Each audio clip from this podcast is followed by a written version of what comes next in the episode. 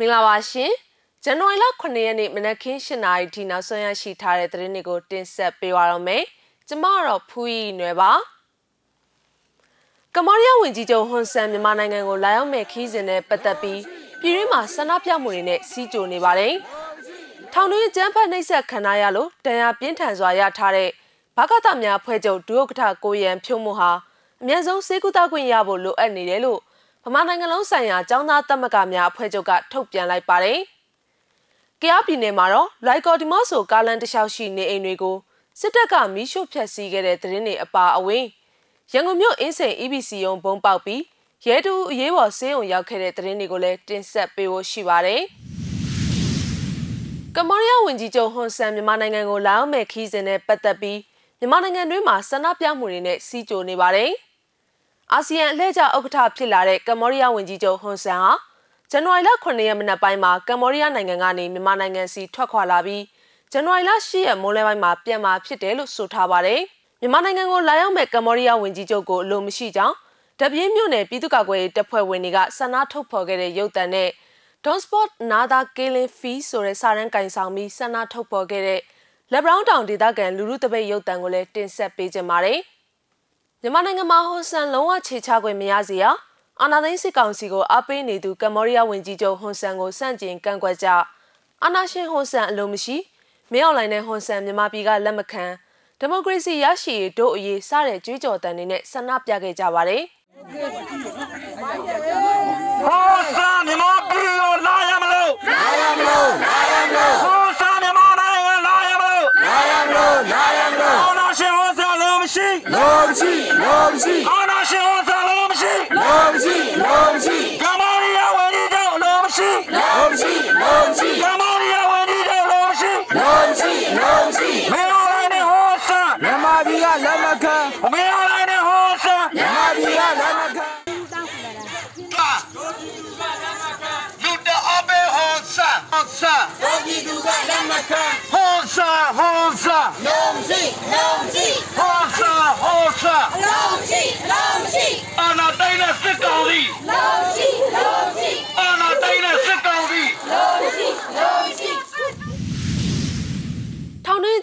င်းကျန်းဖက်နှိပ်စက်ခံရတာကြောင့်ကျန်းမာရေးထိခိုက်မှုတွေရှိနေတယ်။ဘာကသများဖွဲ့ချုပ်ဒုက္ကဋ္ဌကိုရန်ဖြိုးမို့ကိုဒီနေ့ဇန်နဝါရီလ9ရက်မှာရုံးထုတ်မှာဖြစ်ပါတယ်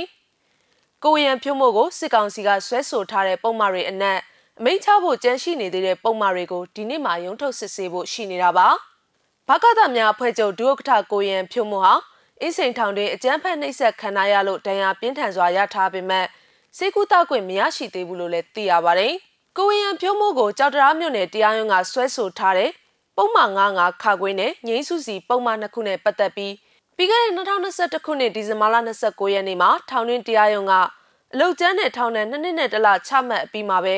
ကိုရန်ဖြိုးမို့ကိုအင်းစိန်ထောင်တပြေဆောင်ကိုပြောင်းရွှေ့ခဲ့ပါတယ်။အဲဒီလိုပြောင်းရွှေ့ရမှာကိုရန်ဖြိုးမို့ကိုတပြေဆောင်မှုကဖက်နဲ့နဲ့ပါရိုက်ခဲ့ပြီးပုံစံကန်းကိုခေါ်ဆောင်ခဲ့တာ ထောင်အာဏာပိုင်တွေရဲ့ခိုင်းစေမှုနဲ့အကျဉ်းသား9ယောက်ကနှစ်ကြော့ပြန်ထိုးကျိတ်ရိုက်နှက်နှိပ်စက်ခဲ့တာတွေကြောင့်ကိုရန်ဖြိုးမို့ရဲ့မျက်နှာလဲပင်းနဲ့နံရိုးတွေမှာအသက်အန္တရာယ်စိုးရိမ်ရတဲ့အထိပြင်းထန်တဲ့ဒဏ်ရာတွေရခဲ့ပြီးစေကူတာခွင့်ရဖို့တောင်းဆိုထားတယ်လို့သိရပါတယ်။ကိုရန်ဖြိုးမို့ဟာအကျန်းဖက်နှိပ်စက်ခံရတဲ့ဒဏ်ရာတွေကြောင့်အခုချိန်မှာစိုးရစာကျန်းမာရေးချုပ်ယွင်းလျက်ရှိပြီးအမြင့်ဆုံးစေကူတာခွင့်ရဖို့လိုအပ်နေတယ်လို့ဗမာနိုင်ငံလုံးဆိုင်ရာចောင်းသားတက်မကများအဖွဲ့ချုပ်က မနေ့ကဇန်နဝါရီလ6ရက်ညနေပိုင်းမှာထုတ်ပြန်ထားပါတယ်။ပြီးခဲ့တဲ့2021ခုနှစ်မတ်လ3ရက်ကတောင်ဝင်မြို့နယ်မှာဆီယနာရှင်အလိုမရှိကြောင်းဘာကတာများအဖွဲ့ချုပ်ဦးဆောင်တဲ့ GSC ပူးပေါင်းဆန္ဒပြစစ်ကြောင်းကိုစစ်ကောင်စီတပ်ဖွဲ့ကအကြမ်းဖက်ဖြိုခွင်းရမှာကိုရန်ဖြိုးမို့အပါအဝင်လူရနဲ့ချီဖမ်းဆီးခံခဲ့ရတာဖြစ်ပါတယ်။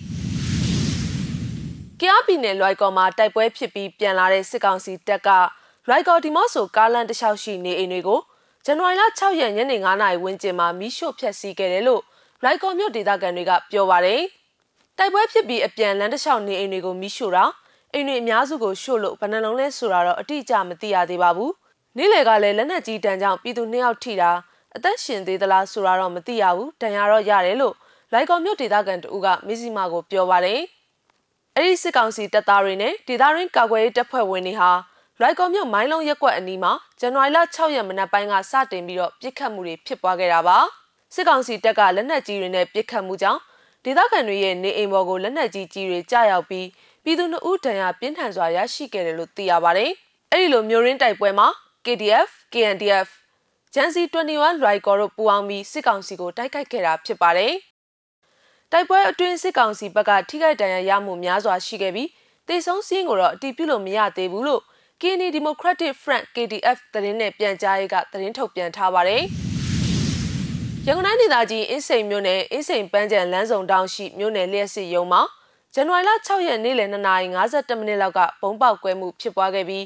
စစ်ကောင်စီဘက်ကရဲတအုပ်အရေးပေါ်စေယုံပို့ဆောင်ခဲ့ရတယ်လို့အဲ့ဒီဘုံဖောက်ခွဲမှုကိုလှုပ်ဆောင်ခဲ့တဲ့ DRF တာဝန်ရှိသူတဦးထံကနေသိရပါဗျ။အာနာရှင်တော်လှန်ရေးဦးဆောင်ကော်မတီ DRF ရဲ့တာဝန်ရှိသူက EBC ရုံပတ်သက်ရာပတ်သက်ကြောင်းစီကနေသတင်းရတာက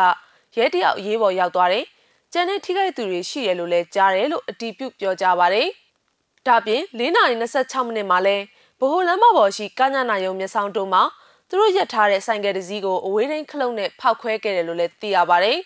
။ပြည်သူတွေဆိုင်ကယ်တွေကိုမတရားဖမ်းဆီးနေတာများနေပြီဖြစ်လို့နောက်တစ်ကြိမ်ဖမ်းဆီးတာတွေရှိလာရင်လည်းအခုလိုပဲဆိုင်ကယ်ထဲမှာဘုံတွေပါလာနိုင်တယ်ဆိုတာကိုသိစေချင်တယ်။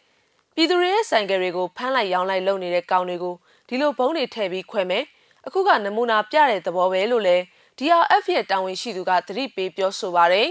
။ဘုတ်ပေါက်ကွဲမှုတွေဖြစ်ပွားပြီးတဲ့နောက်စစ်ကောင်စီတပ်တွေနဲ့ရဲအင်အားအများအပြားအဲ့ဒီနေရာကိုရောက်ရှိလာကြပြီးဗဟိုလမ်းထိပ်နဲ့ရက်ကွက်လမ်းကြားတွေပါမကျန်လမ်းတွေပိတ်ပြီးစစ်ဆေးမှုတွေပြုလုပ်ခဲ့တယ်လို့လည်းဒေသခံတွေကပြောပါတယ်။ဗဟိုလမ်းတောက်လျှောက်လိုင်စင်ရုံးအထိလမ်းကြားတွေကိုပါပိတ်ထားတယ်။ ဘုံပေါက်ပြီးလမ်းတွေပိတ်ထားလို့ရက်ကွက်ထဲကလူတွေတောင်နေ့လယ်ကနေအခုချိန်ထိအပြင်မထွက်ရပါဘူး။စစ်သားတွေရောရဲတွေရောအများကြီးရောက်နေတာလို့ဒေသခံတို့ကပြောပါတယ်။မဇ္ဈိမ TV ရဲ့နောက်ဆုံးရသတင်းတွေကိုတင်ဆက်ပေးကြတာပါ။စောင့်မျှော်ကြည့်ရှုခဲ့ကြတဲ့ပရိသတ်တွေအားလုံးကိုကျေးဇူးအထူးပဲတင်ရှိပါတယ်ရှင်။